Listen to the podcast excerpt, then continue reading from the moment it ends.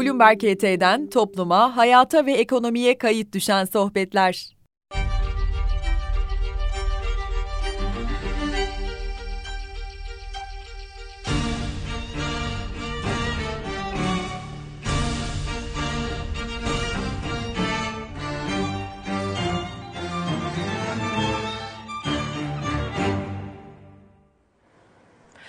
Efendim merhabalar. Bloomberg HT ekranlarına yaşama, sanata, felsefeye dair her şeyin konuşulduğu bir artı bir eşittir bir programına hoş geldiniz. Felsefe, felsefi düşünme bir tür aydınlanma çabası. Biz de bu hafta aydınlanmayı konuşacağız. Bilincin uyanışı diyoruz. İnsanın aklını bir başkasının kılavuzluğuna emanet etmeden, kullanabilme becerisi, buna cesaret göstermesi ve tabii ki buna karşılık olarak özgür düşüncenin önündeki engeller, prangalar, yani ön yargılar, yani dogmalar hepsini masaya yatıracağız. Her zaman olduğu gibi, her hafta olduğu gibi Dücane Cündioğlu ile birlikte. Hocam nasılsınız? Teşekkür ederim. Siz nasılsınız? Ben deyim çok teşekkür ediyorum. Aydınlanmayı konuşacağız demiştik. Şimdi bilincin uyanışı dedim ben. Bir de insanın çıkışı. Hatta tam olarak okumak isterim bunu. Kendi kusurunun sonucu olan bir ergenlik halinden ermemişlikten çıkışıdır diyor Alman filozof Immanuel Kant. Aydınlanmanın manifestosu kabul edilen makalesinde. Şimdi insanın çıkışı derken iki türlü çıkış var. Bir dışarı çıkış var, bir dışarı çıkış var. Yukarı çıkış, keza yükseliş demek. Hangisini işaret ediyoruz? İsterseniz ilk sorumuz bu olsun. Ee, şimdi şöyle tabii Kant'ın bu anılan makalesi e, Ausgang tabirini kullanıyor, çıkış. Fakat e,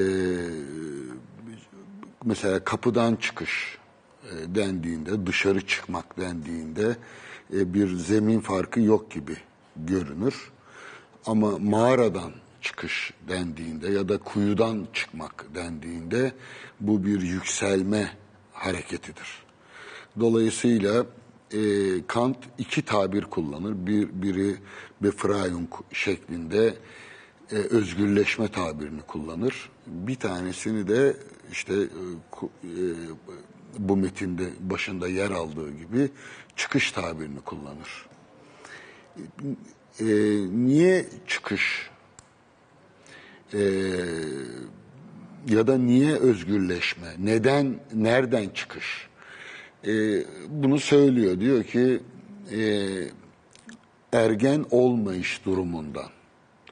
Şimdi Kant'ın bu e, metni çok ilginç biçimde e, farklı bir bilim dalının terimleriyle e, örülmüş durumda.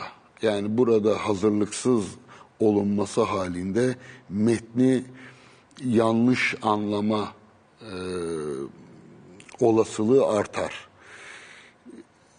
E, çünkü Kant e, manifestosunu ki bu tabiri kullanabiliriz e, kurgularken tamamen hukuki terimler üzerinden e, metni inşa ediyor. Yani gençlikten çıkış demiyor mesela.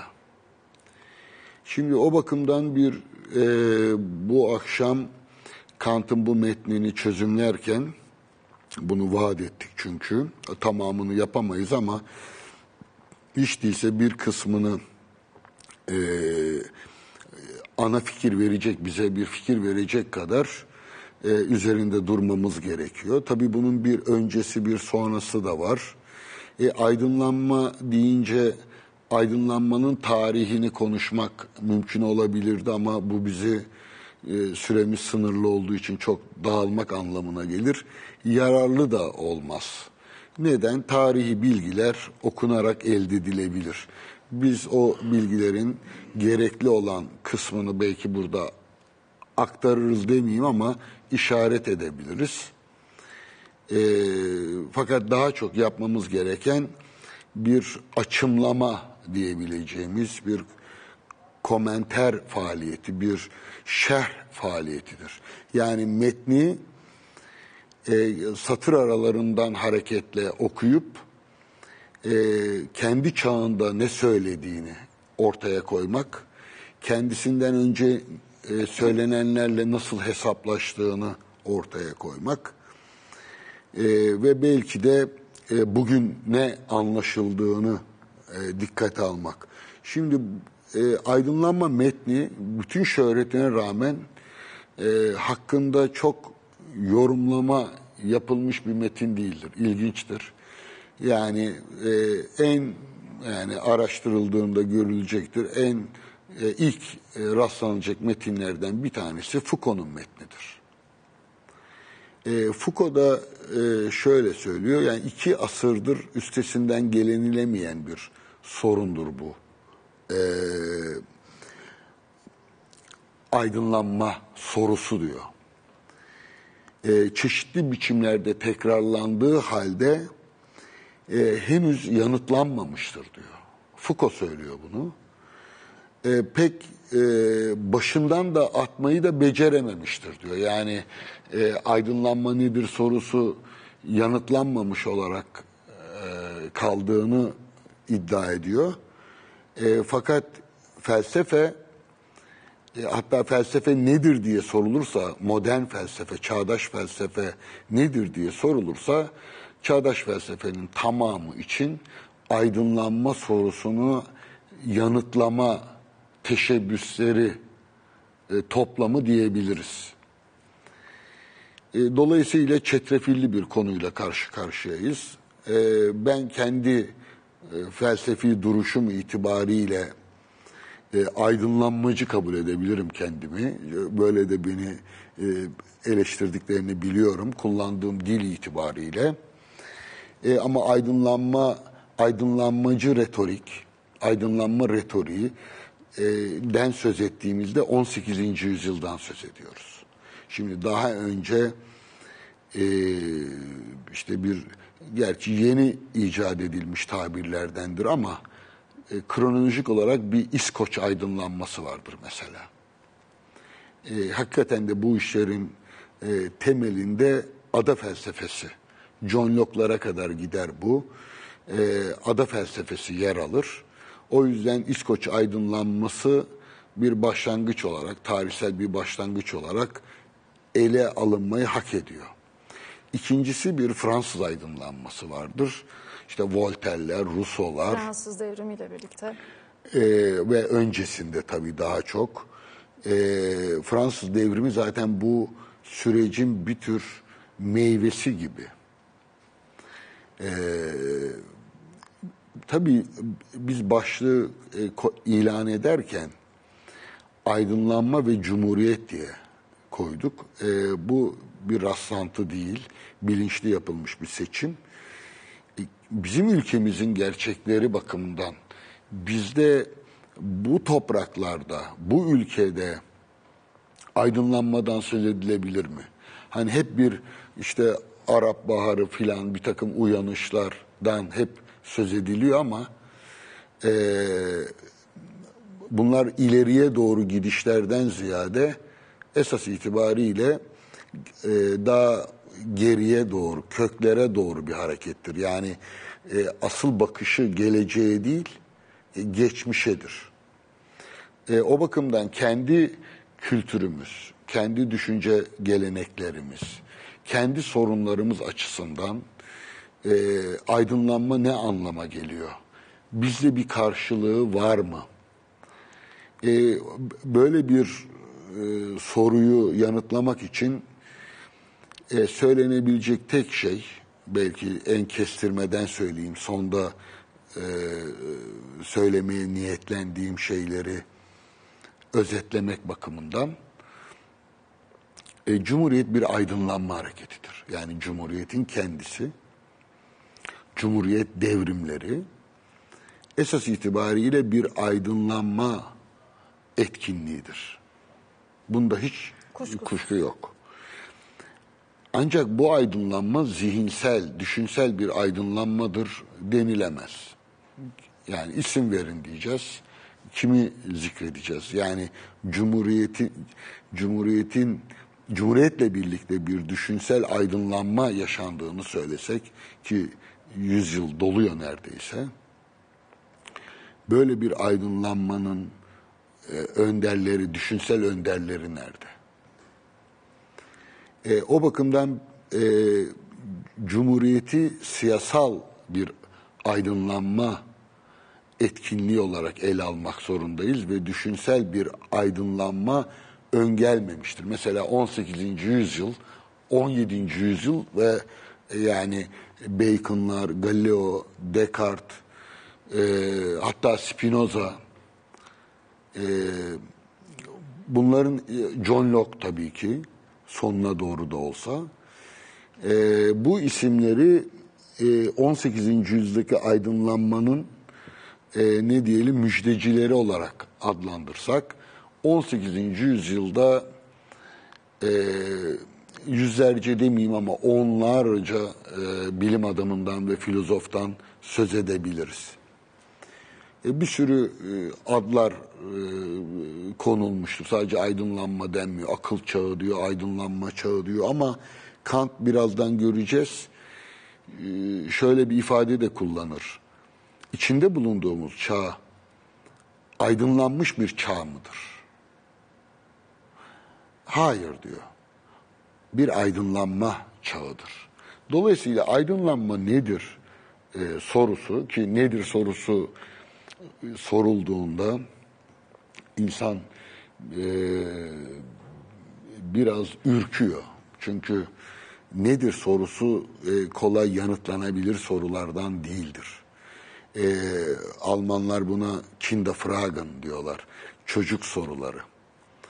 E, hatta öyle bir e, şey de vardı tiyatro oyunu da Mune Baba Mune Baba diye çocuk sürekli Ama felsefenin temelini oluşturan zaten çocuk sorularıdır denir ya.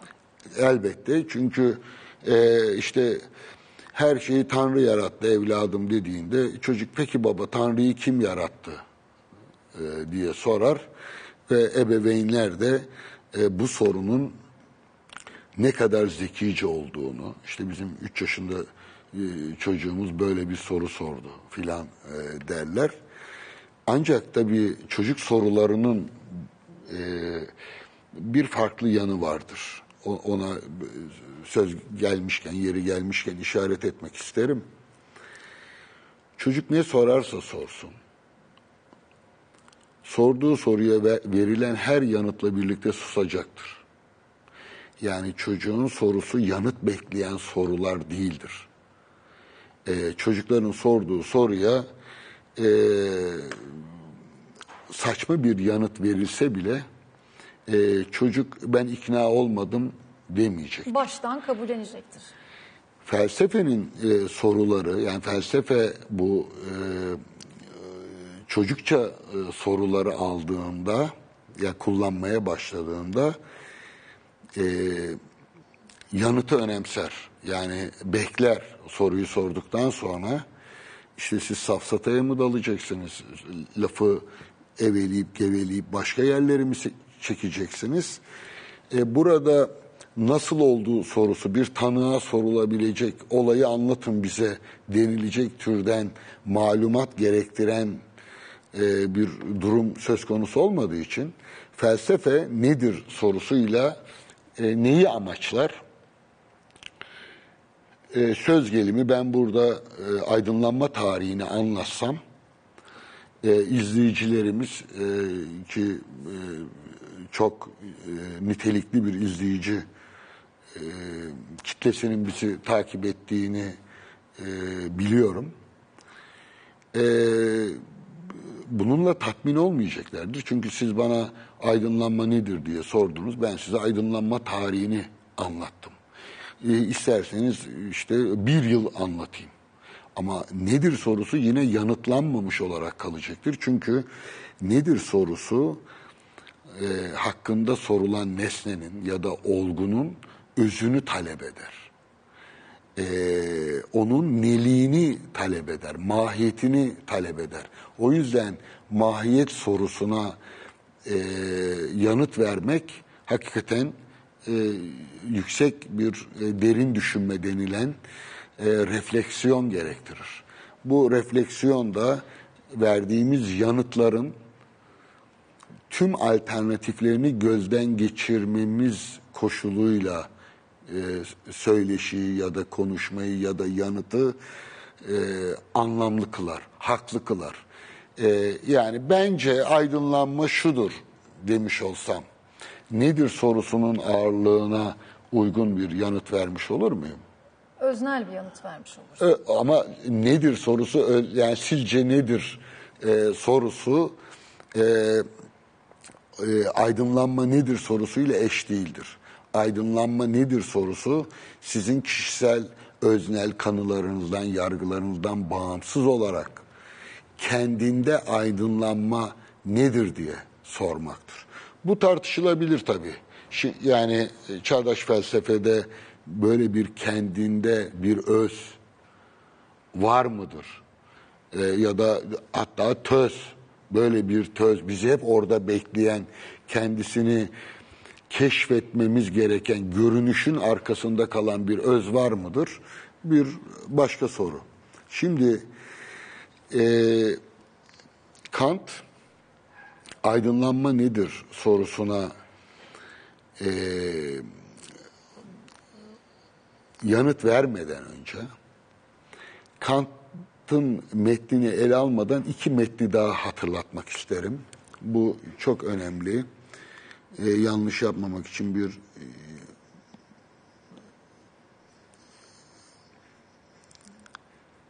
Evet. Kant'ın e, makalesi 1784'te e, Aralık ayında yayınlandı. E, çok önemlidir. Burada küçük bir e, ayrıntı var. O yüzden Almancasını söyleyeceğim. Beantwortung der Frage, was ist Aufklärung? Yani aydınlanma nedir sorusuna yanıt diyelim kısaca. Fakat Kant'tan önce Ve o nedir sorusunun yanıtı Almancası, yani Türkçesi. An- e, aydınlanma nedir sorusuna yanıt. Makalenin adı bu. Ha. A- Aralık ayında yayınlanıyor. Berlinischen Monat e, Schrift diye bir dergide. Fakat bu dergiden, bu e, yazıdan 3 ay evvel. Bu çünkü bir e, zat aynı dergide bir soru soruyor. Ya bu aydınlanma nedir? Her, her kafadan bir ses çıkıyor filan diye. Bunun üzerine Yahudi bir e, filozof e, aynı dergide Kant'tan 3 ay önce Eylül ayında başka bir makale yayınlıyor. Onun başlığı da e, çok küçük bir e, ayrıntı var. E, über die Frage was heißt aufklären? Yani bir tanesi isim olarak kullanıyor, aydınlanma diyor. Bir tanesi fiil olarak aydınlanma edimi ne anlama gelir, ne demektir diye soruyor. Şimdi arada ne fark var?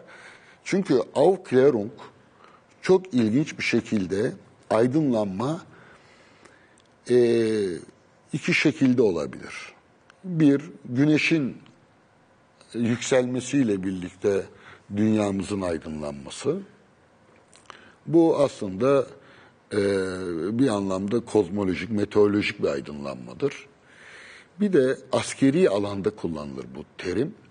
Bir savaş öncesi düşmanla ilgili olan bütün e, ayrıntıları, faaliyetleri hakkında bilgilenmek manasında.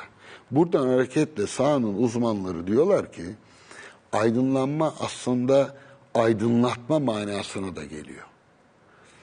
Biz verilen diğer yanıtları da e, dikkate alacağımız için aydınlanmaya yönelik çok büyük bir eleştiri ortaya çıkacak sonradan. Özellikle Almanların buna direndiğini, Alman romantizminin ve Al- Alman idealizminin aydınlanmaya bir tür tepki olduğunu biliyoruz. Daha sonra işte Frankfurt Okulu'na Adorno'lar, Horkheimer'lar e, aydınlanmanın diyalektiği e, başlığı altında aydınlanmaya yönelik bir sürü kuşkular çıktı ve e, 20. yüzyılda ciddi eleştiriler getirdi. Dolayısıyla bugün aydınlanmadan yana yer almak tarihsel olarak e, entelektüel anlamda e, bir takım negatif çağrışımları olabilecek biraz Avrupa merkelci bir görüşe saplanmak. E, işte bu son iki asırda meydana gelen bütün olumsuzlukların nedeni olarak aydınlanmaya sahip çıkmak, özellikle Marksist eleştirileri dikkate alırsak yine e, olumsuz bir pozisyonda yer almayı göze almak gerekir. Ama e, ben bütün bunları göze alarak çünkü ilerlemeye inandığım için yani toplumların ve tek tek bireylerin e, bireylerin yaşamında ve toplumların yaşamında e, bir süreç varsaydığım için bu sürecin sonucunun iyi olacağını iddia etmiyorum. Ancak iyiye doğru bir ilerlemenin e, toplumların varoluşsal e, durumlarının zorunlu kıldığını söylüyorum. Yani böyle bir ilerlemeye e, direnemezsiniz. E, o bakımdan bizim kendi ülkemiz, kendi coğrafyamız dikkate alındığında iki asır önceki, hatta biraz daha geriye gidebiliriz. E, bu iki üç asırlık e, Avrupa'daki deneyim bizim ülkemizdeki bazı problemleri tartışmamız için de bize kavramsal gereçler sağlayacaktır. Şimdi o bakımdan yani ben üç metni dikkate alacağım.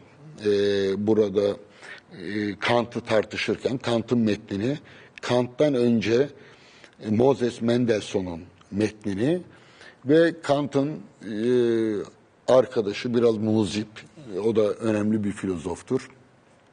Johann Georg Hamann. Onun yazdığı bir mektup var. 18 Aralık 1784 tarihli. E, o mektuptan yararlanacağım.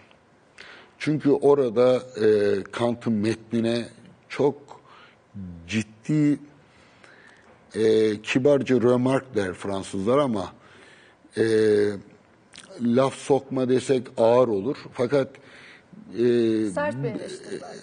biraz sert değil, alaylı, e, böyle tiye alan, e, biraz da e, sanıyorum e, dostluklarından kaynaklanan bir şey. E, bir eleştiri var ama orada o eleştiride e, Kant'ın metnini yorumlamamız bakımından bazı uyarılar söz konusu. O yüzden bu üç metni birlikte alarak yorumlayacağız. Ancak ondan e, önce e, bir e, aydınlanmanın çıkış olarak, kurtuluş, özgürleşme olarak kendisinden ayrıldığı, ayrılmak istediği, kurtulmak istediği şeylerin e, bir din eleştirisi olarak aydınlanma, e, bir örf, adet, kültür ve geçmiş eleştirisi olarak aydınlanmayı e, tanımlayabilmek için e, bedenin e, esaretiyle ruhun esareti arasında bir karşılaştırma yapıp o şekilde e, Kant'a e, geçiş yapacağız. Evet hocam aslında bir çıkış bundan bahsediyoruz.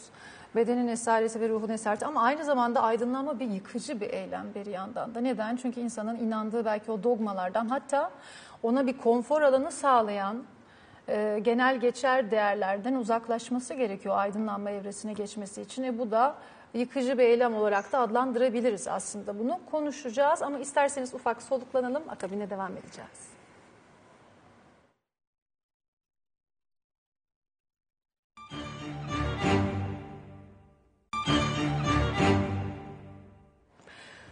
Efendim devam ediyoruz. Aydınlanma yıkıcı bir hamledir demiştik aslında. İnsanın sahip olduğu kanaatlerinden kuşkuya düşmesi demek bir yandan da. E, dolayısıyla eğer bu kanaatler kişiliği oluşturuyorsa insan buna nasıl cesaret edecek? Kolay değil. E, buna cesaret aynı zamanda Şimdi evet ancak şöyle tabii e, mesela e, bir ağır bir hasta ameliyat olmasını gerektirecek denli ağır bir hasta sağlığa kavuşmak için ameliyat olduğunda ya da işte ilaç içtiğinde, acı bir ilaç içtiğinde e, bu acı ilacın karşılığında sağlığına kavuşacaksa bu yıkıcı değil yapıcı bir faaliyet olur. Yani e, o bakımdan aydınlanma olumsuz olandan olumlu olana bir geçiş. Tabii biz e, şimdi e, Kant'ı e, takip ettiğimizde biraz daha açıklık kazanacak. e, Kant'ın aydınlanmayı tanımlamalarını alt alta getirip listelersek e, çok ilginç bir e, resimle karşılaşıyoruz. Kant aydınlanmayı daima olumsuz olarak hatta olumsuzlamanın olumsuzlanması şeklinde tanımlıyor. Bakın birlikte devam başlayalım okumaya. E, takip edelim yani Kant'ı. E, izleyicilerden e, biraz hoşgörü bekliyorum. E, yavaş okuyacağım. Ama e, çözümleyebilmemiz için hiç değilse elimizde üzerine basabileceğimiz bir metin olsun istiyorum.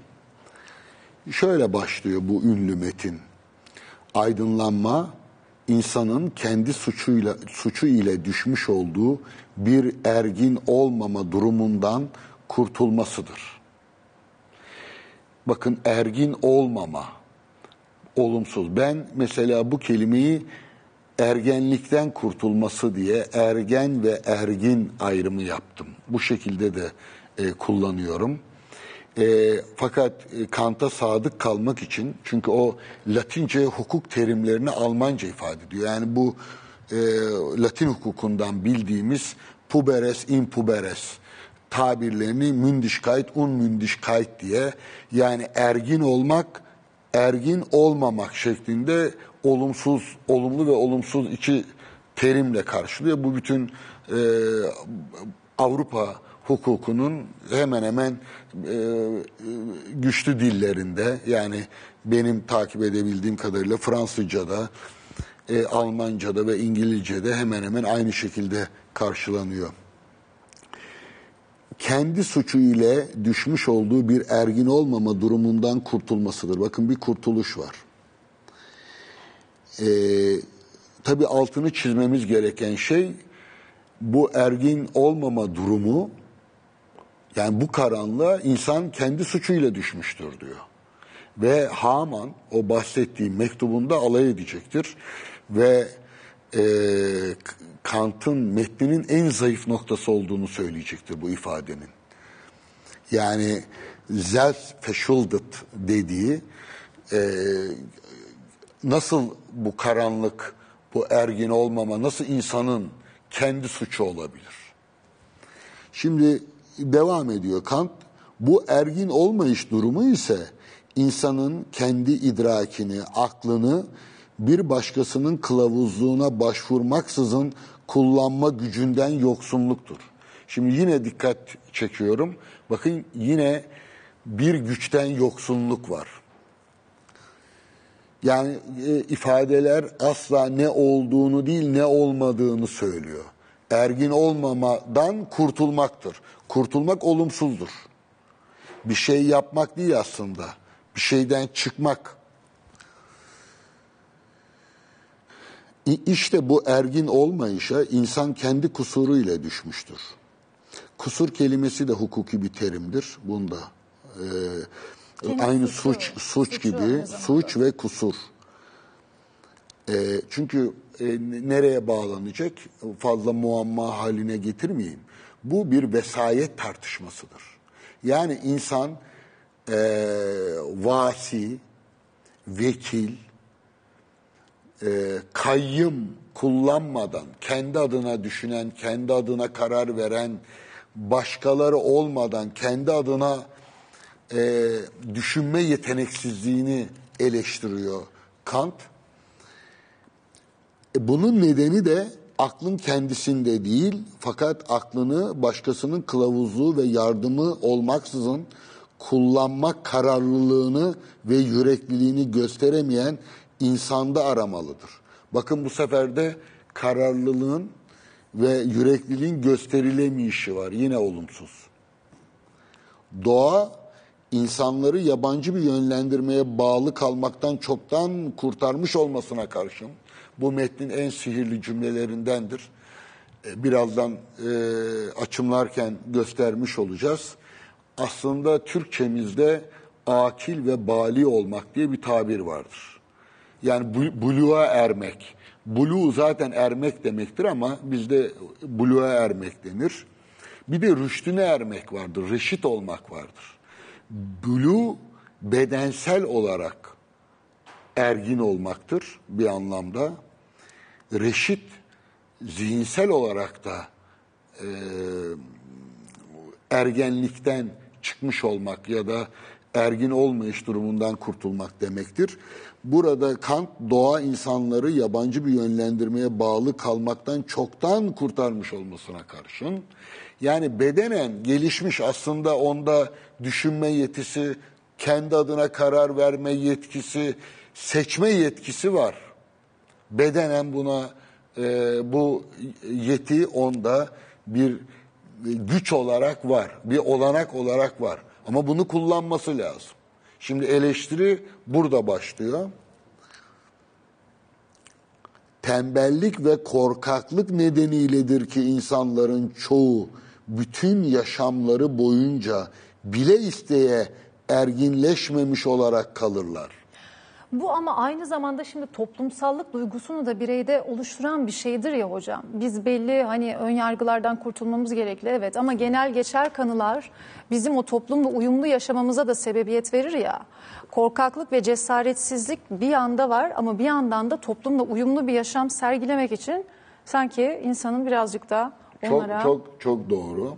Ee, Tutulması hakikaten gerekiyor. güzel bir konuya işaret ettiniz. Şimdi e, fakat bu toplumsallık duygusu yani hemen aklıma e, İbn Rüşd'ün Platon şerhinde söylediği bir e, yaptığı bir açıklama var. O geldi.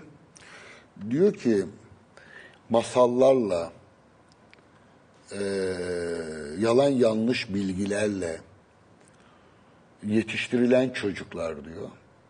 Tıpkı belli bir yaşa geldikten sonra anne babasının gerçek anne babası olmadığını fark eden e, çocuklar gibi anne babalarına saygılarını kaybederler ve onları alaya alırlar. Hatta bir örnek veriyor. e, köpekler iyi eğitilmemiş köpekler gibi önüne gelene saldıracak hale gelirler diyor. Şimdi bu çok dehşetli bir tasvir. Yani şöyle e, hadi anne babanızı bir kenara bırakalım ama ilkokul öğretmeni size e, yanlış bilgiler öğretseydi, lisede ya da üniversitede o bilgilerin e, büyük bir çoğunluğunun yanlış olduğunu fark etseydiniz, anlasaydınız, o öğretmeninize saygı duyar mıydınız? Mümkün değil. E onun size anlattığı o yalan yanlış bilgilerle e, ciddiye alır mıydınız o yalan yanlış bilgileri? Almazdı değil mi? Alay bile edebilirdiniz. İbn Rüşd'ün ifadesiyle. Şimdi o toplumsallık duygusu, o tembellik ve korkaklık nedeniyle kaçındığımız, dolayısıyla rahatça başımızı koyup e, uykuya daldığımız o toplumsallık duygusunu bize aşılayanlar, o toplumsallık duygusunu aşılamak için e, bize öğrettikleri ki biz bunu kimlik, kişilik, kendilik e, dosyasını ele alırken tartışmıştık.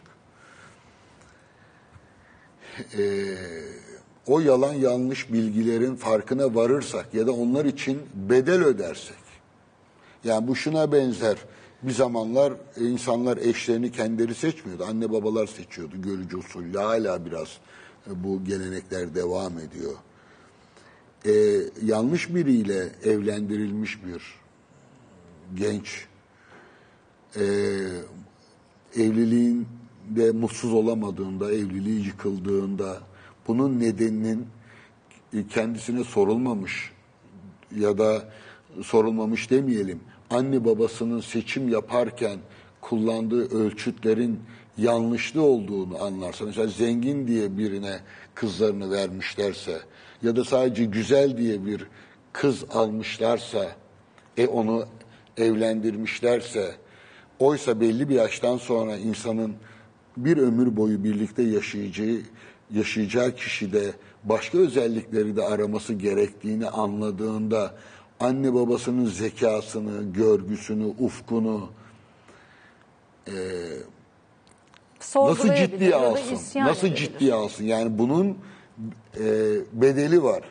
E, yani kendisini sigaraya alıştıran toplumsallık duygusu, arkadaşları sigara içiyor diye e, bir sigaraya, alışkanlığa, kötü aynen. bir alışkanlığa e, alıştırsa bir büyük, e, bir abi, bir eş, dost filan e, bunun zararlarını görmüş bir insan o insana saygı duyar mı? Duymaz. O bakımdan e, toplumsallık duygusu içerisinde rahat ediyor olmamız yani bu konfor nedeniyle bu konforun e, bedelini konuşuyoruz zaten.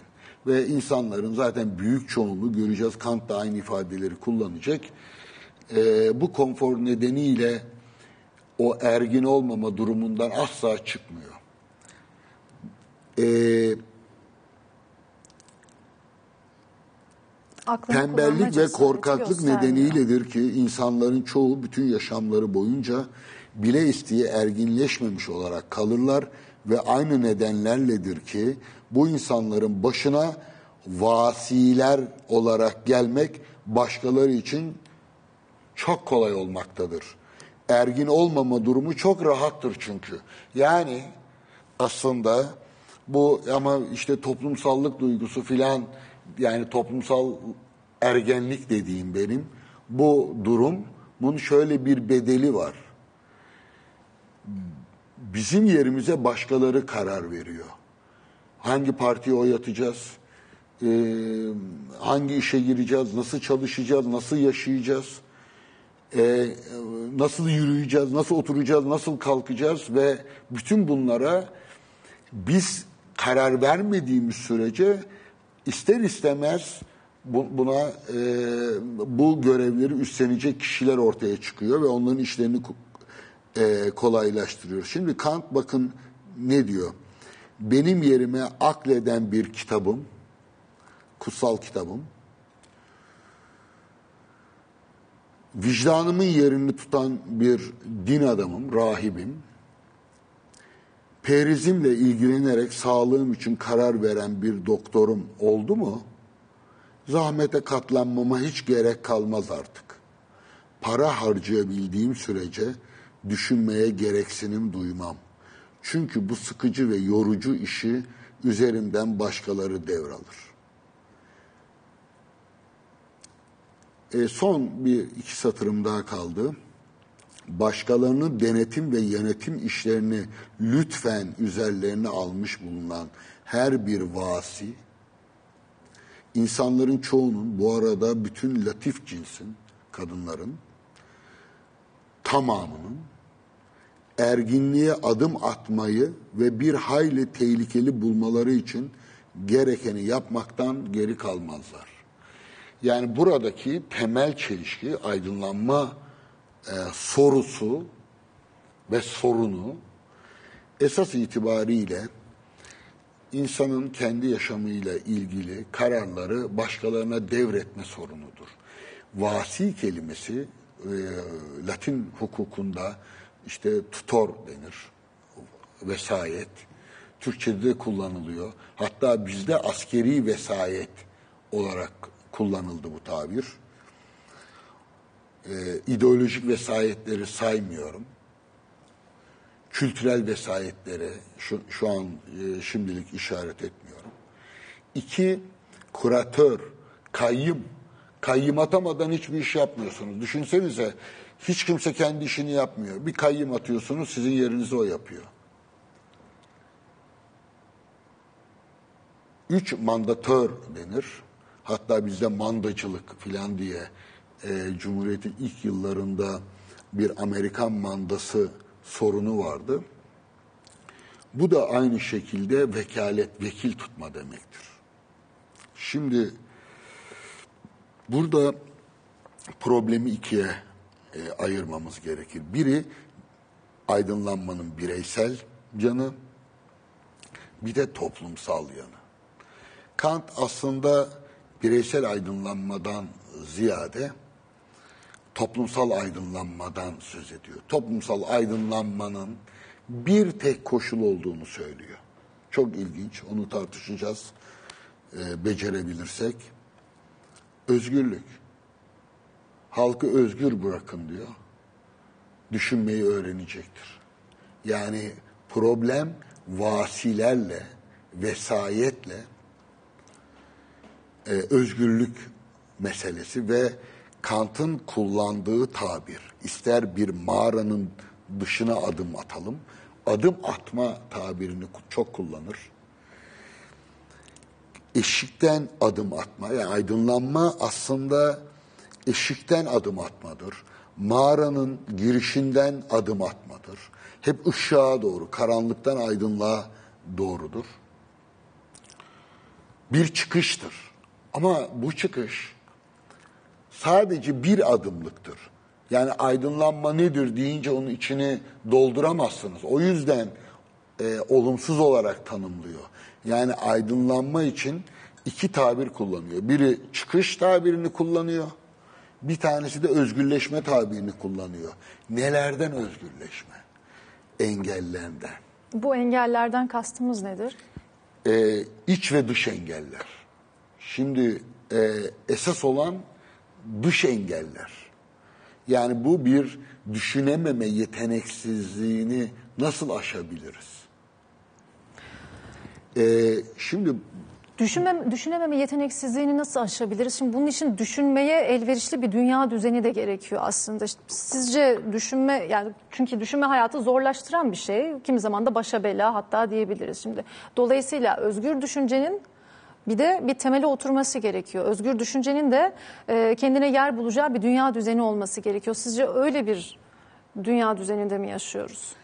e, e, sorunuzu anlayabilmem için e, o soruda yer alan sözcüğe açıklık getirmeniz lazım. O da düşünme sözcüğünü hangi anlamda kullanıyorsunuz? Yani niye düşünme dediğimizde biz alelade bir zihinsel işlem yapmayı kastetmiyoruz ki zaten düşünmek için bir başkasına ihtiyacımız yok. Zihin düşünüyor. Ama düşünme başkalarıyla birlikte düşünme demektir. Mesela ifade özgürlüğü yoksa düşünme olur mu? Eğer korku varsa insanlar düşündüklerini başkalarıyla paylaşamıyorlarsa kamu önünde eee, bir düşünmeden söz edebilir miyiz? Dolayısıyla burada e, e, yani düşünmenin e, en azından toplum ölçeğinde düşünmenin ne olduğunu e, konuşmak gerekir. Şimdi ben i- izninizle e, engeller meselesini e, Kant'ın ısrarla altını çizdiği hatta Oyseliş diye de vurgular böyle dışsal dışsal engeller der.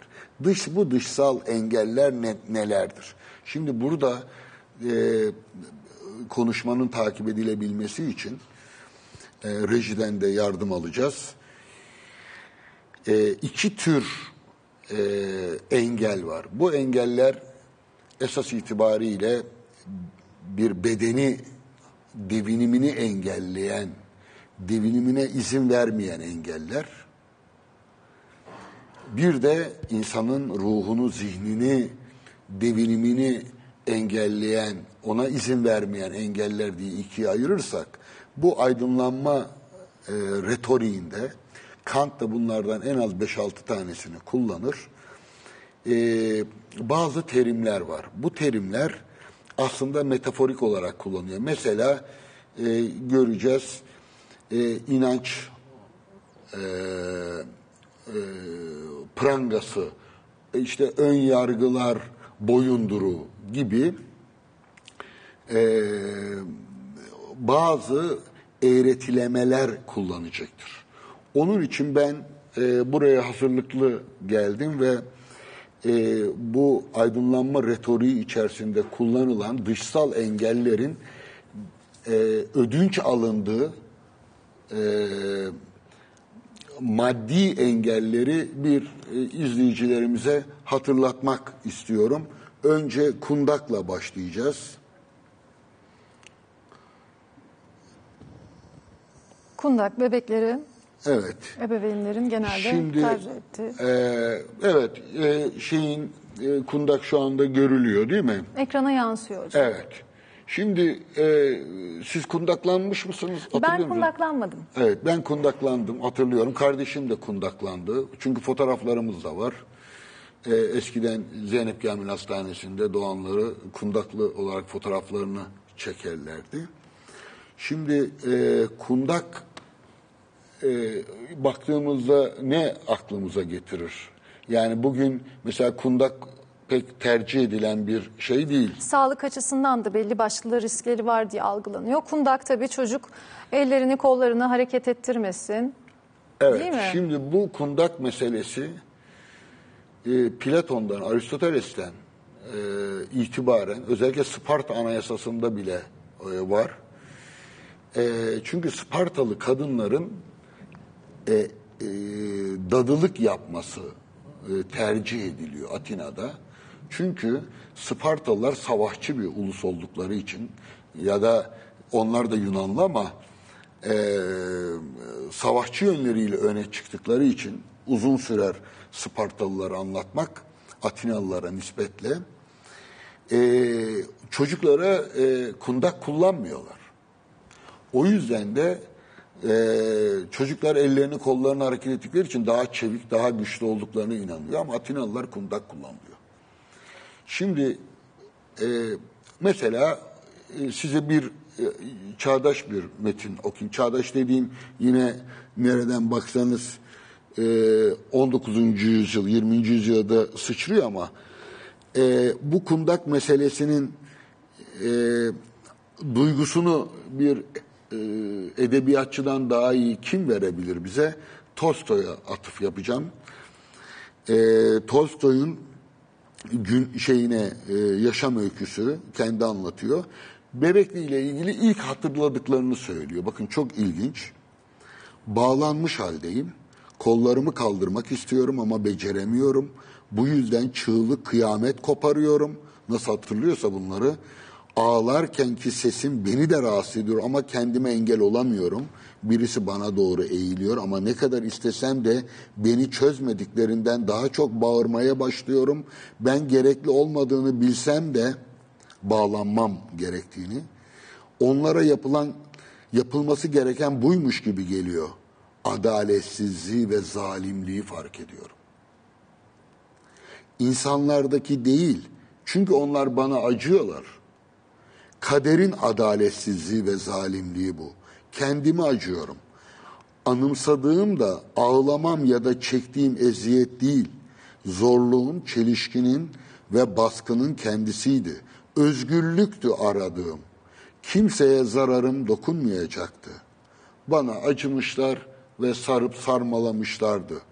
Her şeye ihtiyacı olan bense onlar güçlüyken zayıftım. Tolstoy'un anılarında.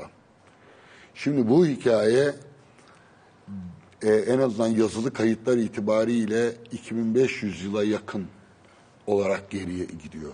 Kundak meselesi okumayacağım ama sadece e, Antik Yunan'da Spartalı dadıların, ebelerin e, kundak kullanmadığından dolayı tercih edildiğini, hatta Alkibiades'in, e, Sokrates'in talebelerinden e, dadısının ya da ebesinin e, Spartalı bir e, yaşlı ihtiyar olmasından ötürü e, bir takım müspet özellikleri olduğuna dair Plutarkos bize bazı e, bilgiler aktarır. Fakat şunu söyleyeyim, aydınlanmanın özellikle e, İngiliz temelli olduğuna işaret etmiştim. O yüzden John Locke uzun bir bölümü kundağa ayırır. Oradan kim alır? Jean-Jacques Rousseau alır. Jean-Jacques Rousseau da uzun sayfalar ayırır. Kundak meselesinin nedenli zalimlik olduğuna dair. Oradan da Kant alır.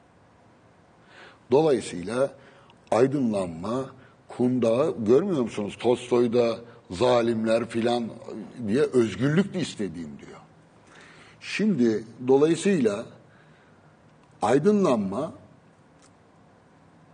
ergin olmayış durumundan bir çıkış olması, özgürleşme olması e, aydınlanma retoriğinde kundaklanmak istemiyoruz demektir. Ama nasıl siyasal olarak kundaklanmak istemiyoruz, e, toplumsal, kültürel olarak kundaklanmak istemiyoruz demektir. Şimdi e, izninizle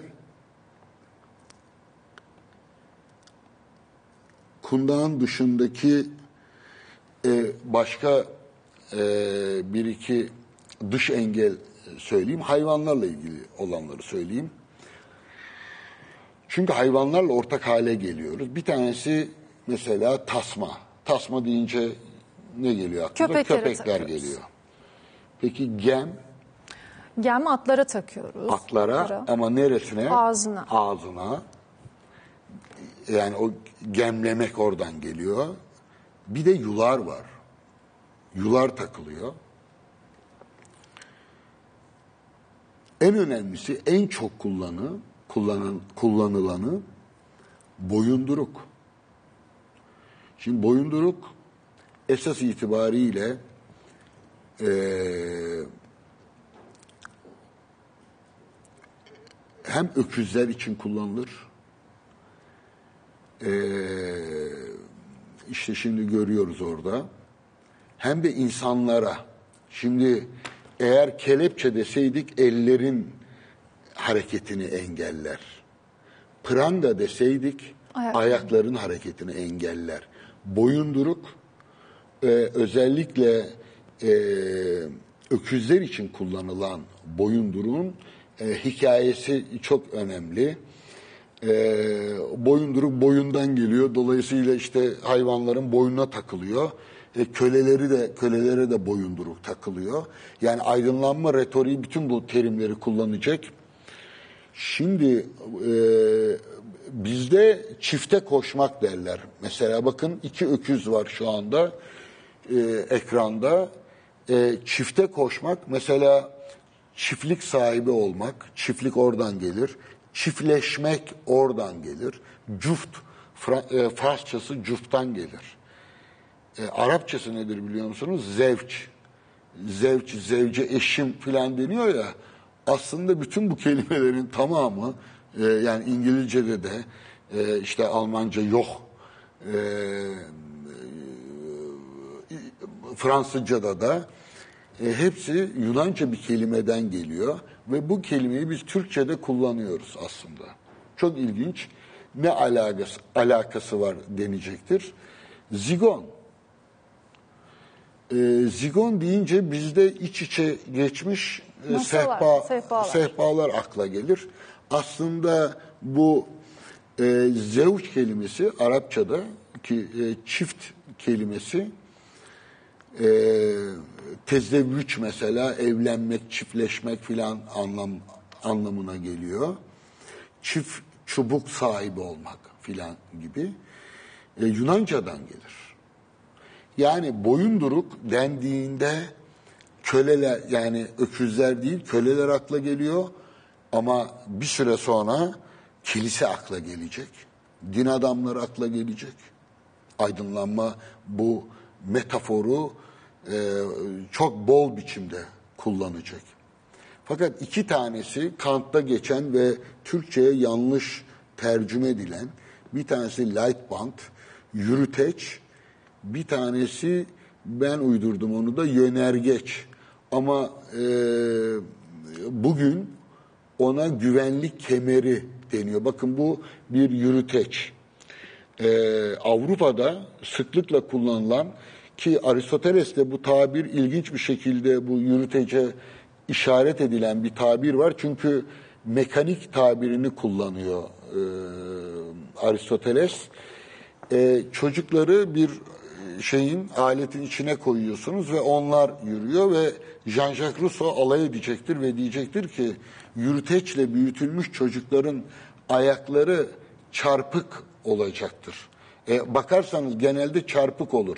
Oysa bırakın çocuk düşsün, kalksın, e, belki ufak tefek hasarlar görebilir ama yürümeyi, doğru yürümeyi, kendi başına yürümeyi öğrenebilir der. Bir tanesi de e, işte işte Rubens'in mesela bir e, tablosu.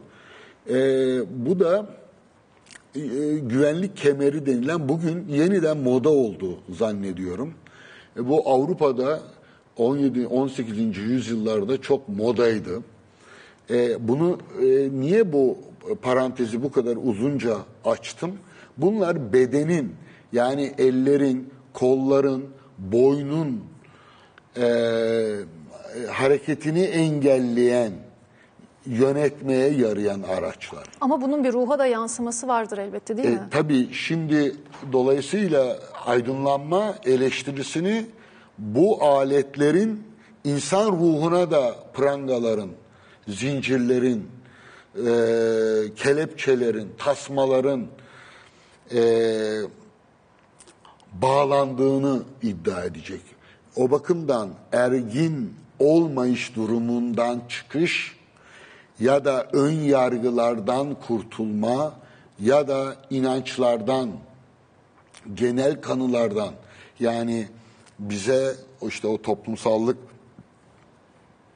duygusunu veren, e, duygusunu vermek için öğretile gelen bütün o e, bilgiler yığınının bütün ömrü, ömrümüze bedel, bütün ömrümüzü karanlıkta geçirmemize neden olabilecek e, ruhsal, tinsel prangalar olduğunu söylemek için bu e, parantezi, uzunca parantezi açtım. Sadece Kant'ta e, geçen e, mesela bir tabir Das Leitband der Heiligen Überlieferung diyor. Yani kutsal gelenek dizgini, yuları, Fessel'ı kullanıyor, ayak bağı diye filan çeviriyor ama pranga karşılığında. E, Sklaven Johu des Glaubens, inanç boyunduruğu, kölelere yakışır, kölelere özgü inanç boyunduruğu. Bunlar Kant'ın terimleri. E, aynı şekilde Gengelwagen, o yürüteci de e, kullanan e, Kant'tır ki ben Kant metninin üzerine 3-5 yıldır uzunca bir e, açımlama yazmakla e, meşgulüm.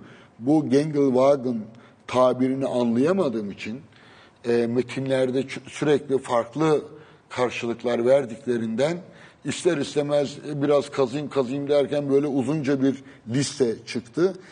Sadece Arapçada bu tabire bağlamı da aynı olmak üzere e, kullanan bir e, tanıklık burada gösterebilirim. İbn Haldun'dan.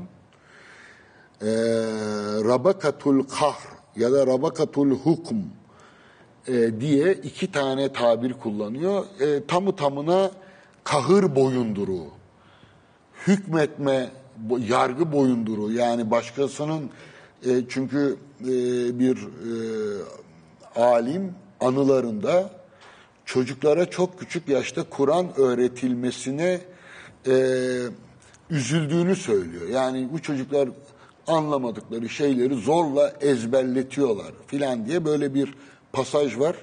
İbn Haldun da o pasajı e, açıklama sadedinde aynı bu konuştuğumuz konuya uygun bir şekilde çocuklar büyüdüklerinde ilim yapma yerine başka vadilere dalmasın diye ebeveynler onları itiraz edemeyecekleri yaşta işte Kur'an'ı ezberlemeye zorluyorlar ve çocuğu hafız yapmaya çalışıyor anne baba. Ee, bunu John Locke da İncil'le ilgili olarak çocuklara kitabı mukaddesin küçük yaşta öğretilmesinin doğru olup olmadığını tartışıyor ve çocukları ilgilendirmeyen birçok konuyu niye çocuklara öğretirler filan diye o da e, eleştiriyor. Yani e, demek istediğim burada e, aydınlanma nedir e, meselesinde e, Kant'ın hukuki terimler seçmiş olmasının e, nedenlerine ilişkin bir e, sezi en azından elde ettiğimizi söyleyebilirim. Nedir o? Çünkü burada ergin olmama e, geleneksel e, hukukta yani Roma hukukunda bu İslam hukukunda da geçerli ve hatta e, Türk medeni e, hukukunun e, 13. maddesi. Hatta fırsat bulursam onu tartışmak isterim. Belki burada bir hukukçu e, konukla birlikte ele alabiliriz. Temyiz kudreti nedir? Yani akil ve bali olma, reşit olmak ne demektir? E, mesela İslam hukukuna göre e, buluğa ermek, e, yetişkin olmak, e, kızlarda doğurabilme, erkeklerde doğurtabilme, biyolojik olarak doğurtabilme yeteneğini kazanmasıyla e, kabul edilir. Yani bunu e, geleneksel hukukçular da tartışırlar, İslam hukukunda da tartışılır. Hatta kelamcılar bile tartışır. Çünkü orada şöyle bir problem var. Bali olmak, mesela bugün reşit olmak neyle ölçülüyor? Yaşla. Tabii. 18 yaşına bastı mı çocuk reşit oluyor. Türkiye'de öyle, başka ülkelerde 20 yaş, 22 yaş. Ee, değişebiliyor. Ee, aslında e, e, üreme yeteneği kazanmak, bedenen bali olmak, e, ergin olmak anlamına geliyor. Fakat bu zihinsel olarak ergin olmak anlamına gelmiyor. O yüzden hukukta vasiler, e, ya da Türkçe'de mesela biz veli diyoruz değil mi? Okulda e, veli yani çocukların velisi olur. Veli, vasi bunlar hep e, aynı anlamdadır. Niye? Çocuk e, hukuken kişi olarak kabul edildiğinde iki tane ehliyete sahip olması kabul edilir. Bir tanesi hak ehliyeti, bir tanesi fiil ehliyeti. Yani babasından miras kalmışsa çocuğa 5 yaşındayken o mirasa sahip olabilir. Ama o daireyi satamaz. Çünkü fiil ehliyeti yoktur. Aynı bunun gibi hukukta şöyle bir problem var. E, medeni hukuk ki 1907'den evvel temiz kudretinin e, bir koşul olarak hukuk metinlerinde yer almadığı söyleniyor. Bu biz İsviçre'den aldık medeni hukuku ve 1907 öncesine gitmiyor oluşu çok ilginç. E, nedir temiz kudreti diye sorsanız hangi hukukçu bu soruya yanıt verebilir? Olumlu yanıt verebilir. Hiç hukukçu veremez. Çünkü yasa vermiyor.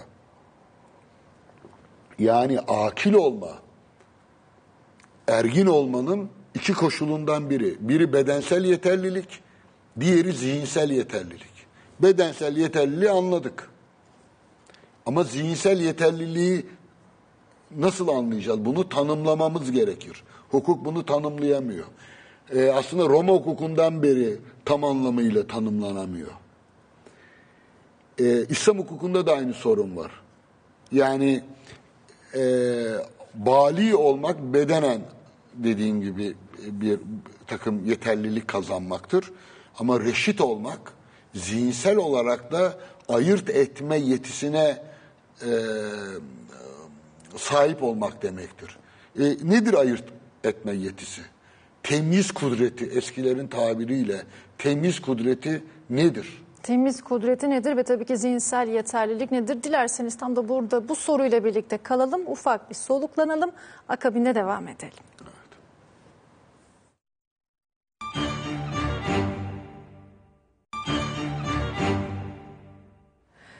Efendim devam ediyoruz. Akil olmanın ön koşullarından bir tanesi zihinsel yeterlilik demiştik ve tabii ki temiz kudretini konuşuyorduk. Tam da kaldığımız noktadan devam edelim hocam. Temiz kudretinde kalmıştık ve aydınlanmak için gerekli olan, akil olmak için gerekli olan zihinsel yeterlilikten bahsediyorduk ve bunun için gerekli olan sebepleri ya da e, önündeki engelleri konuşuyoruz aslında. Şimdi yani şunu demek istedim. Hukuk, e, Kant e, terimlerini hukuk alanından seçtiği için ister istemez bu e, açılımları yapmak zorunda kalıyorum.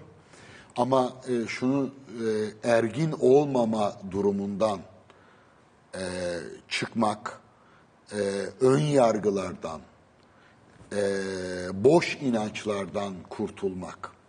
Şimdi e, bunun altını doldurmanın zor olduğunu e, ifade etmekten öte, Kant'ın niye sürekli bir e, olumsuz, e, negatif tanımlamalar yapmak zoru yapmayı tercih ettiğini de açıklamak için söylüyorum. Şimdi e, yani o yüzden hukuk da akil oldu, akıllı oldu dediğinde ne anlayabilir? Bunun altını doldur dediğimizde bize diyebilir ki deli olmayacak, sarhoş olmayacak, işte şöyle olmayacak, böyle olmayacak. Yani bir trafik kazasında e, e, kazayı yapan kişinin temiz kudreti var mı yok mu? Ayırt etme yetisi var mı yok mu? Bu alacağı cezayı belirleyecektir. Şimdi dolayısıyla bizim aydınlanma dolayımında ergin olmama dediğimizde Kant'ın kullandığı tabir adım atma demiştim. Bu adım atma niye önemli? Ee, çünkü hukukta esas olarak olumluyla olumsuzu ayırt etmek e, akil olmanın e, tanımı içerisine girer. Yani bu tanımlardan bir tanesi çocuğa e, işte yerde yatan kişiyi bu amca vurdu cümlesiyle yerde yatan kişiyi bu amca vurmadı. Bu iki e, fiilin olumlu ve olumsuz kısmını birbirinden ayırt edebiliyorsa çocuk tanıklık yapabiliyor. Yani ayırt etme yetisi dendiğinde aslında e, olup biteni varlığına veya yokluğuna dair bir yargıda bulunma, yargı öne sürme yetisinden söz ediyoruz. Bu hukuki anlamda. Peki bizim aydınlanma dolayımında konuştuğumuz e, ergin olmama durumundan kurtulma, özgürleşme, nelerden özgürleşme? Bakın, kurallardan, toplumsal kurallardan, ön yargılardan, en çok kullanılan tabir, e, aydınlanma retoriğinin başat tabiri nedir dense, ön yargıdır. Ön yargı prejüj, e, Vorurteil diyor şey Kant.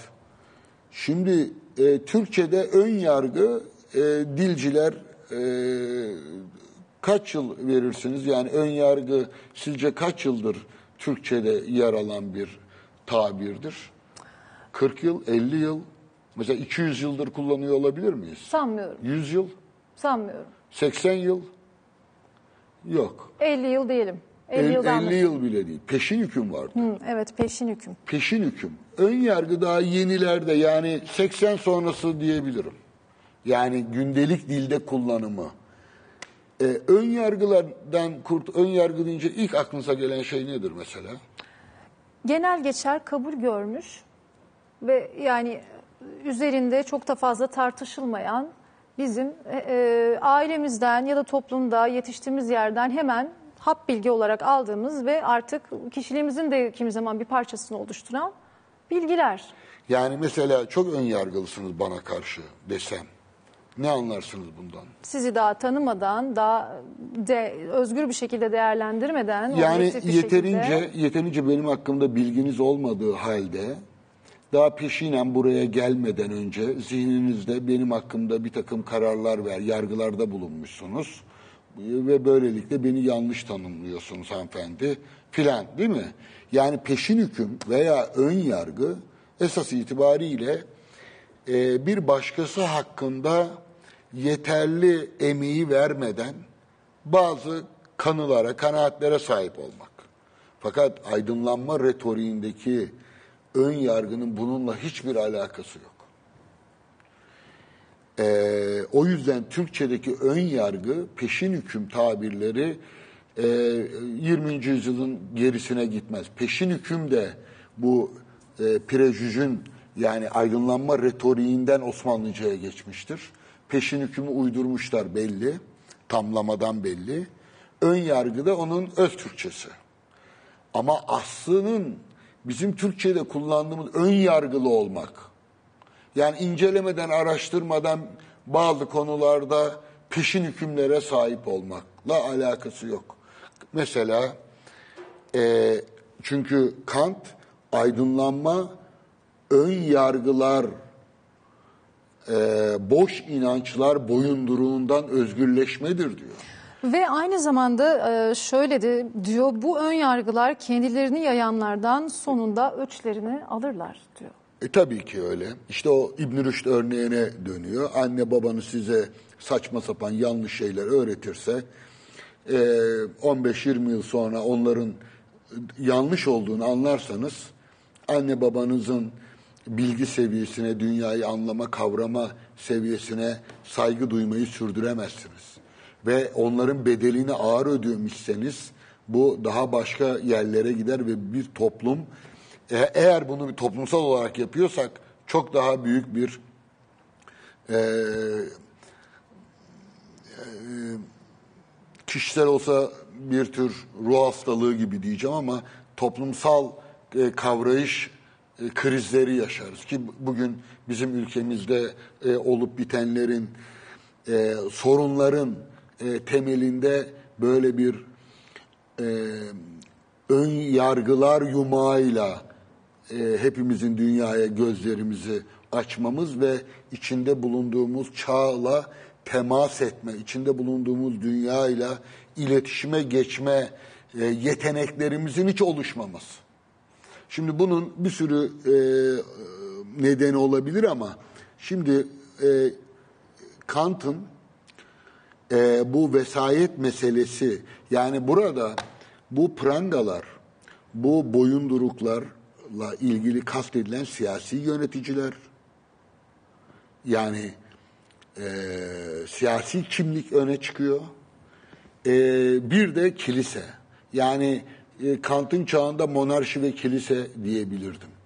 Şimdi aynı şekilde e, Kant e, bireysel aydınlanmayı e, çok ama çok zor olarak adlandırıyor. Toplumsal adla, e, e, aydınlanmayı ise çok yavaş olarak adlandırıyor. Bakın üç tane cümlesini kaydetmişim.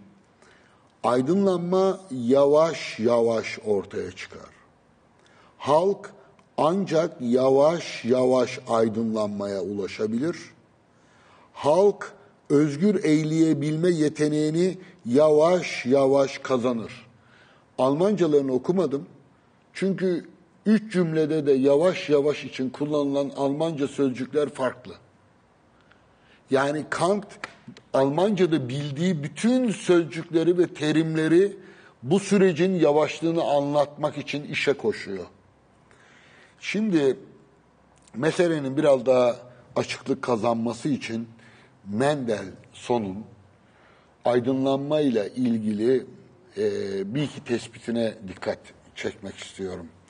Şimdi diyor ki, bakın 1784'te diyor,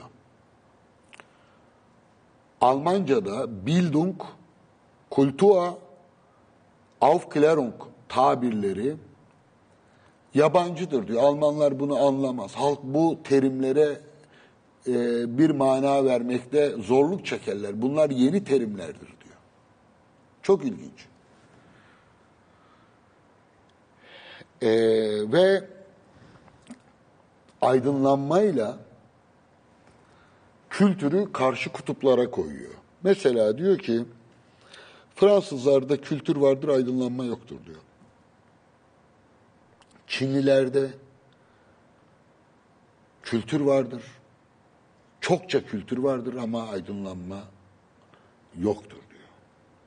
Almanlarda çok ilginç bir ayrım yapıyor. Nürnberglilerde kültür vardır, Berlinlilerde aydınlanma vardır diyor. Yunanlılarda hem aydınlanma hem kültür vardı diyor. Peki bizde ne kastettiğini anlayalım, öyle yanıt verelim bu soruya. Ayrımı neye göre yapıyor en başta? Ee, bunu ben e, yani iki kelimeyi, kültür ve aydınlanma kelimelerini hiç tereddüt etmeden, motamot, Türkçe'ye çevirmek istesem, daha doğrusu Osmanlıca'ya demem gerekiyor bu durumda, ilim ve irfan diyebilirim. İrfan, e, kültürün karşılığı olarak, ilim aydınlanmanın karşılığı olarak kullanıyor. Yani bireysel olanı insan olarak insanın aydınlanma ihtiyacı vardır. Yurttaş olarak insanın kültürlenme ihtiyacı vardır diyor. Dolayısıyla kültürü toplumsal, aydınlanmayı bireysel olarak ayırt ediyor ve tabiri olarak da aydınlanmaya teorik, kültüre pratik diyor. Ve eğitim bu ikisini bir araya getirir diyor. Şimdi burada tabii Kant'tan daha farklı bir e, çerçeveyle karşı karşıyayız. Yani kültür toplumsal olandır. Çünkü e, Moses Mendelssohn bir Yahudi entelektüeliydi. Ve Yahudi aydınlanmasının da önderlerindendi. Haskala diye bilinen Yahudi aydınlanması e, özellikle Avrupa tarihi bakımından çok önemlidir. E, dikkat ederseniz kültürle e, aydınlanmayı karşı kutuplara yerleştirerek birine teorik ve pratik derken kültürde halk var, yurttaş var ve dolayısıyla orada aldanma var. O, oraya fazla dokunmamak lazım. Kendisi bunu söylüyor da. Yani e, bu aydınlanma filan diyen bu bireysel çıkışları fazla bilgiççe ve ukalaca olabileceği, dolayısıyla toplumsal alışkanlıklara, kültürel alışkanlıklar hakkında atıp tutabilecekleri, işte o sizin bahsettiğiniz belki yıkıcı biçimiyle, e, daha ilkel biçimiyle olabileceğine dikkat çekiyor. Fakat tabii adı, haksızlık yapmayalım Mendelssohn'a. Aynı zamanda e, iyi de diyor kültürü koruyalım derken biz kilisenin, rahiplerin nasıl insanları sömürdüğünü, yani toplumsal mutluluğumuz bozulmasın, toplumsal uyumumuz bozulmasın diye e, o vasilerin devreye girerek halkı nasıl istismar ettiğini de unutmuş değilim diyor. Şimdi e, dolayısıyla burada kültür ve aydınlanma karşı karşıya geliyor. Şimdi e, bir e, başka e, Alman e, filozofundan, düşünüründen söz edeceğim. O da bir e, Yahudi entelektüeldi. Adorno'dan. Bu aydınlanma üzerine eleştirileri e, Horkheimer ile birlikte e, yapan çok güçlü bir entelektüeldir. E, Adorno e, bu aydınlanma meselesini e, tartışırken bir radyo konuşmasında e, ilginç bir e, e, karşıtlık e, kuruyor ve otorite sorununa ki kitabı da vardır. Otoriteryen kişilik üzerine. Bu otorite ihtiyacı nereden kaynaklanıyor? Yani belki finale doğru e, meselenin can alıcı noktasına gelebiliriz. Yani baba yoksa e, Freud'un dediği gibi mi desek babayı öldürme baba katli e, olmasa çocuk gelişemez. Yani lider, şeyh, önder. Yani yıkmamız gereken bir karşı kutup yoksa e, nasıl güçleneceğiz? Yani e, sürtünme olmadan yürüyebilir miyiz? Dolayısıyla e, otorite sorunu, otorite hep olumsuz mudur? Şimdi ön yargı diyoruz ya, ön yargı e, aslında yanlış, batıl, saçma, hurafe anlamında kullanılır. Boş inanç gibi. E, hatta e, Gademer şey der, e, ön yargı hukukta geçici yargı olarak kullanılır. Yani aslında ön yargı olumlu da olabilir. Bir varsayım gibi. Varsayımların illa olumsuz olması gerekmez. Bir geçici yargı. Fakat aydınlanmanın söz ettiği ön yargılar geleneksel olan her şeydir. Ee, geçmişten kurtulmak ister, gelenekten kurtulmak ister, kiliseden kurtulmak ister. Aydınlanma filozofları o yüzden materyalist, naturalist, pozitivist, o biraz daha sonra ama e, sensualist olarak yani duyumcu, e, deneyci ve maddeci filozoflar olmuştur. Özellikle e, Fransız aydınlanmasında bu e, e, simaları tanıyoruz. En ünlülerinden bir tanesi Voltaire. E, deizm işte biraz onunla başlar. E, Tanrı olmasaydı bile onu yaratmak zorunda kalırdık. Yani Tanrı'ya ihtiyacımız var e, diyor. E, dolayısıyla he- hepsi tümüyle ateist filan değiller. Ama e, önemli bir damar neticede bütün bu geleneklerin hepsini yeniden e, özgürleşmek adına eleştiriye tabi tutuyor. Şimdi otorite meselesinde e, Adorno'nun o söyleşisinde e, otoritenin olmadığı bir toplum hayal edebilir miyiz? Ya otorite ne demek? Bizim yerimize yapacak, düşünecek, karar verecek birileri olmadan, hiçbir otorite olmadan, eee e, bir arada e, yaşayabilecek bir e, toplum düşleyebilir miyiz? Mesela, Diyelim ki düşledik bu sürdürülebilir olabilir mi bir noktada da? mesela ben size söyleyeyim. e, aydınlanma döneminde yapılan en çok il- en benim ilgimi çeken tartışmalardan bir tanesi şeydir. E, ateistler toplum kurabilir mi? Enteresan bir soru sordunuz hocam. Ateistler toplum kurabilir mi? Yani ateistler bir topluluk kurabilir. Yani bir dernek falan olabilir. 5-10 kişi bir araya gelebilir de. Sadece ateistlerden oluşmuş bir toplum olabilir mi? Şimdi ciddi ciddi olamaz diyorlar. Niye? Çünkü otorite olması lazım. Bazı onları bir araya getirecek değerler olması lazım. Çünkü orada o dönemde tabii bu şunu unutmamak lazım. Bugünün ateisti ile o günün ateisti aynı ateist değil. O dönemde böyle kilisenin kılıcı da var. Ee, ve ateist dendiğinde bugünkü gibi Tanrı'ya inanmayan kastedilmiyor. Ee, o dönemde ateist bir anlamda nihilist, e, hiçbir değere inanmayan, hiçbir değeri olmayan, Peki eğer otoritenin olması gerekli diyorsak ama bir yandan da aydınlanmanın e, önünde bir engelse otorite bir yandan da bu böyle bir tezatlık oluşturmuyor mu? İşte şimdi şöyle mesela e, Cumhuriyet kısmına e, gelirken e, on, o bazı zihnimde tasarladığım noktalar vardı. Onlara da işaret etmek istiyordum.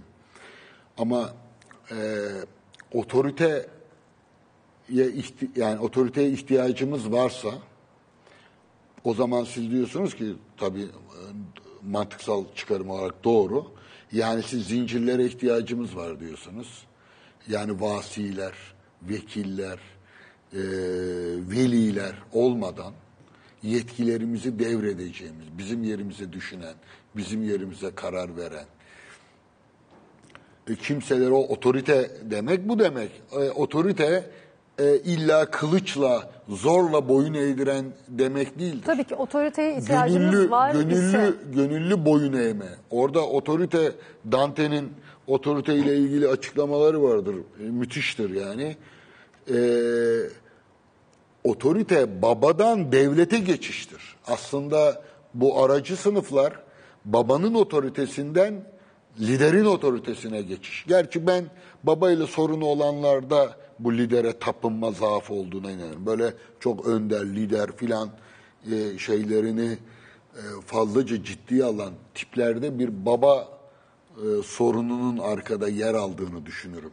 Babaya ihtiyaç e, duyduklarını düşünürüm. Ama neticede babanın yerini devlet alabilir mesela. Tanrı alabilir. Tabii yani o orada sürekli babadan kopuş. Baba bir anlamda yıkıma uğratılıyor ve onun yerine ya Tanrı geliyor, ya önder geliyor, ya şeyh geliyor, ya lider geliyor filan. Hiç otorite olmadan böyle bir kumsal düşlüyorum. E, kum tepelerinin bile olmadığı e, uçsuz bucaksız bir okyanus gibi bir e, kum okyanusu diyelim. E, böyle bir toplum yani herkesin eşit olduğu, herkesin özgür ve eşit olduğu ama bir arada olmayı da buna rağmen başardığı bir toplum düşleyebilir miyiz? Ya da ne kadar düşleyebiliriz? Şimdi e, otoriteye ihtiyaç söz konusu olduğunda vasilere, hamilere, prangalara, boyunduruklara ihtiyacımız var demektir. Bana sorarsanız benim e, özel e, kendi yorumumu e, söyleyebilirim. Kısaca araya sıkıştırabilirim. E, insanın aldanmaya ihtiyacı vardır. Yoksa özellikle memeliler, akıllı memeliler e, kendilerini aldatmadıkça yaşamda kalmayı beceremezler. Yani onlara ilk sütünü veren, ilk yiyeceğini, işte barınmasını, bürünmesini sağlayanlara olan borcunu ödemesi ruhunun prangalara e, teslim etmesiyle mümkündür. Yani hiç kimse Tolstoy gibi e, kundağa sarıldığı anı böyle hatırlar ya da tasvir edebilir mi bilmiyorum. Yani bu ne kadar büyük zulüm ya diyebilir mi kundaktaki bebek? Bu ayrı bir konu, e, edebiyatın konusu diyelim. Ama neticede e, Adorno'nun o e, söz ettiğim e, konuşmasında muhatabı bu işlerde emek vermiş bir zat. Şimdi isim aklıma gelmiyor. Çok ilginç bir şey söylüyor. Diyor ki öğretmenlerin otorite haline alması. Şimdi ben burada konuşuyorum, ben anlatıyorum. Hocam ne diyorsunuz filan diyorum. Şimdi düşünsenize ben sizin için otorite haline geldiğimi ya da izleyiciler için otorite haline geldiğimi ve bunu beklediğimi yani sözlerime koşulsuz itaat beklediğimi ya da evet hocam haklısın Dücan hocam hep doğruyu söyler hiç filan falan o zaten yanılmaz. filan. Bunu benim e, e, bilgiyi aktarma sürecinde insanlarla kurduğum ilişkide onların üzerinde e, eylemlerinde değilse bile zihinlerinde bir otorite haline gelmeye çalıştığımı düşünün. E, sanki bunu yapabilirdim e, amaçlasaydım gençken. E, çünkü 40 yıldır ders veriyorum. Ders daima sizden o konuyu daha az bilen hatta hiç bilmeyen insanlara verilir ve bu bir iktidar biçimidir. Yani bilginin iktidarı, bilgi knowledge is power şeyin ünlü sözü, bilgi güçtür. Şimdi e, öğretme e, e, işlemi öğretene bir iktidar sağlar. Orada çok ilginç bir e, söz geçiyor. Diyor ki Almanya'da seküler eğitimde yine otoriteler çıkıyor. Bu sefer rahip değil. Yani sakalı, cübbesi, işte şeyi e, beline bağladığı ipi filan yok. Ya da işte e, kıyafeti filan rahip değil. Ama çağdaş öğretmen. O da aynı şekilde otorite kuruyor. O da bilginin iktidarını kullanıyor. Yani bugün hukukçular, siyasetçiler değil sadece. Akademiya e, bilginin iktidarından pay almak istemiyor mu? Yani iktidardan bilgisi aracılığıyla pay almak istemiyor mu? Entelektüeller almak istemiyor mu? Peki bu etik midir?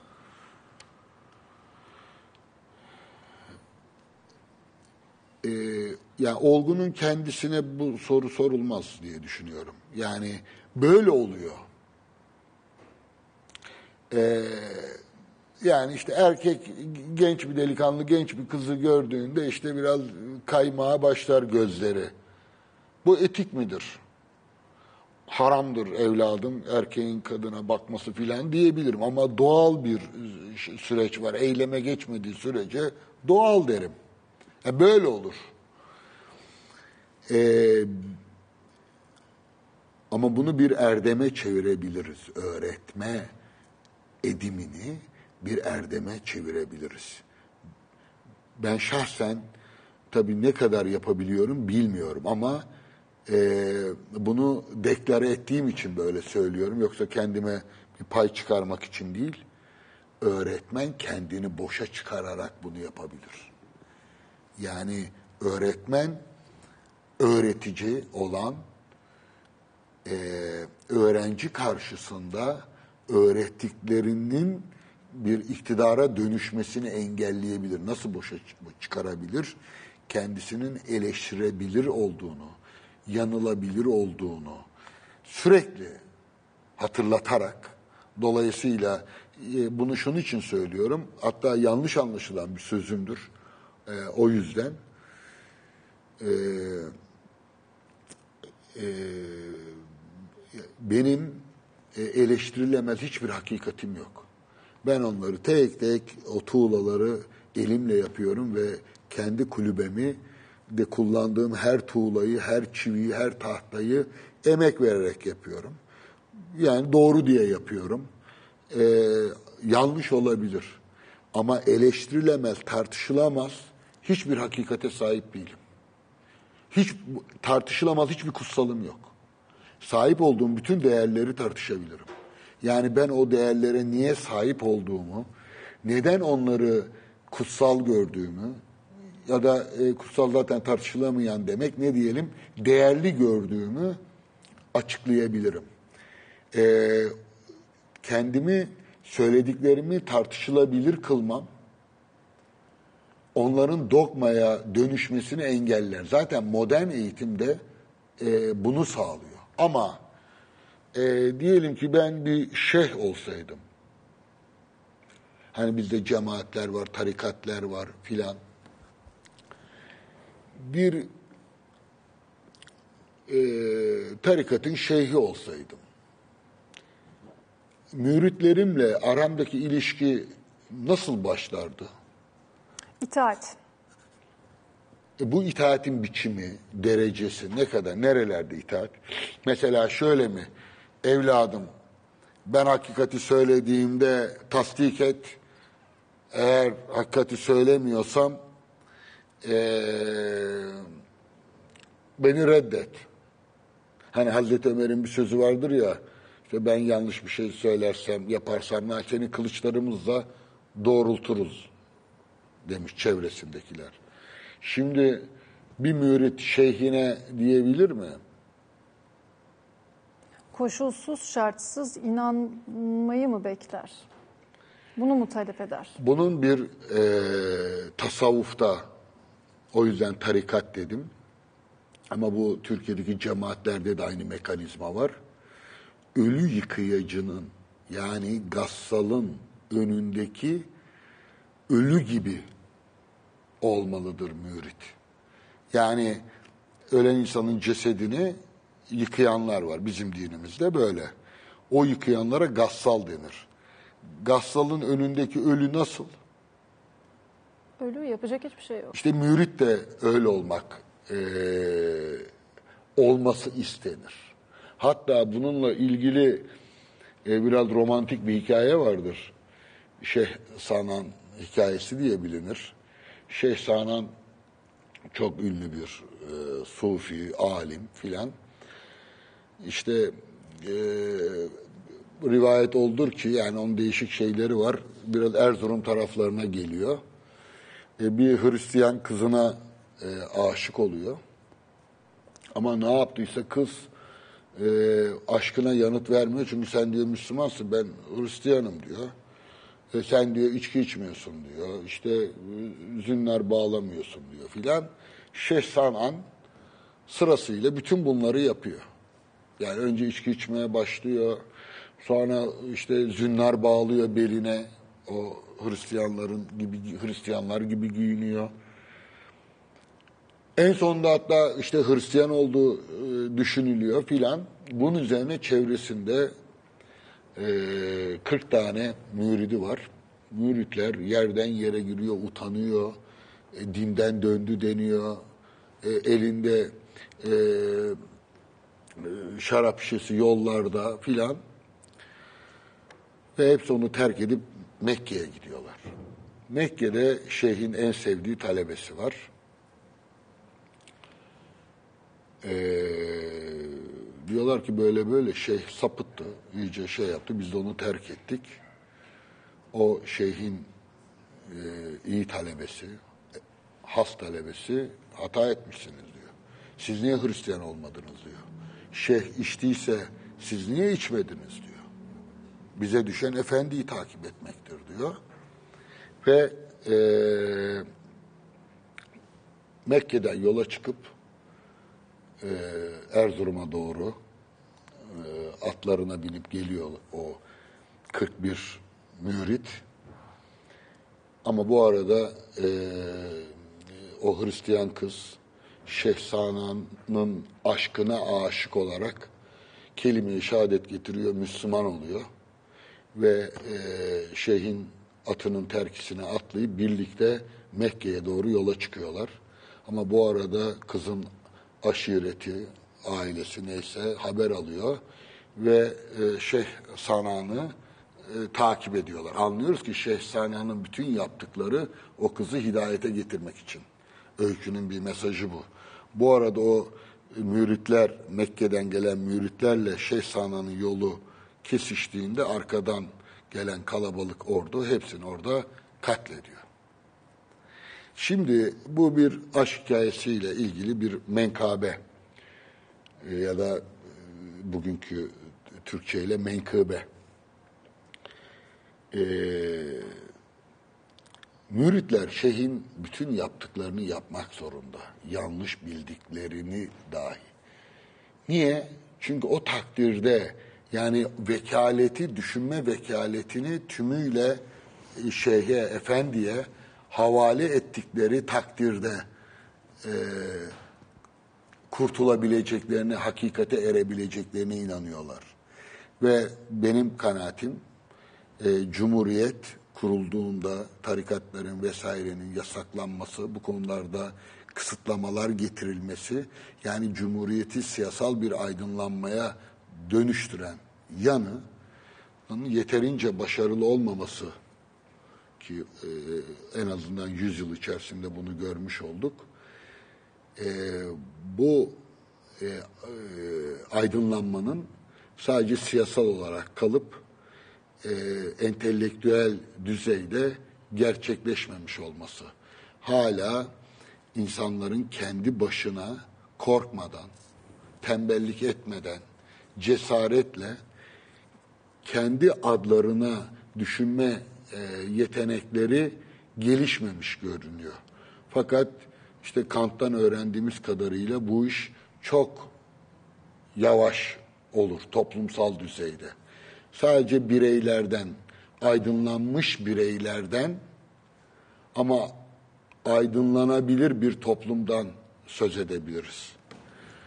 Ee, belki bu işin cumhuriyet kısmını başka bir programda Bir başka programa açarız. Aynen bir başka programda konuşabiliriz. Aydınlanmış bireyler, aydınlanmış bir toplumda tabii ki beraberinde getiriyor aslında dedik ve tam da burada noktalayalım isterseniz hocam. Efendim bu hafta aydınlanmayı konuştuk. Aydınlanmanın retoriklerini konuştuk. Özgür düşüncenin önündeki engelleri ve belki de bununla başa çıkabilmeyi, otoritenin varoluşunu, peki otorite var olursa aydınlanmanın önünde bir engel midir? Ama otorite de keza e, toplum düzeni için e, gerekli kılınan bir noktada dedik aynı zamanda ve bunun tezatlığını da keza konuştuk. Haftaya yine yaşamı, felsefeyi ve sanatı konuşmaya devam edeceğiz efendim. İyi akşamlar.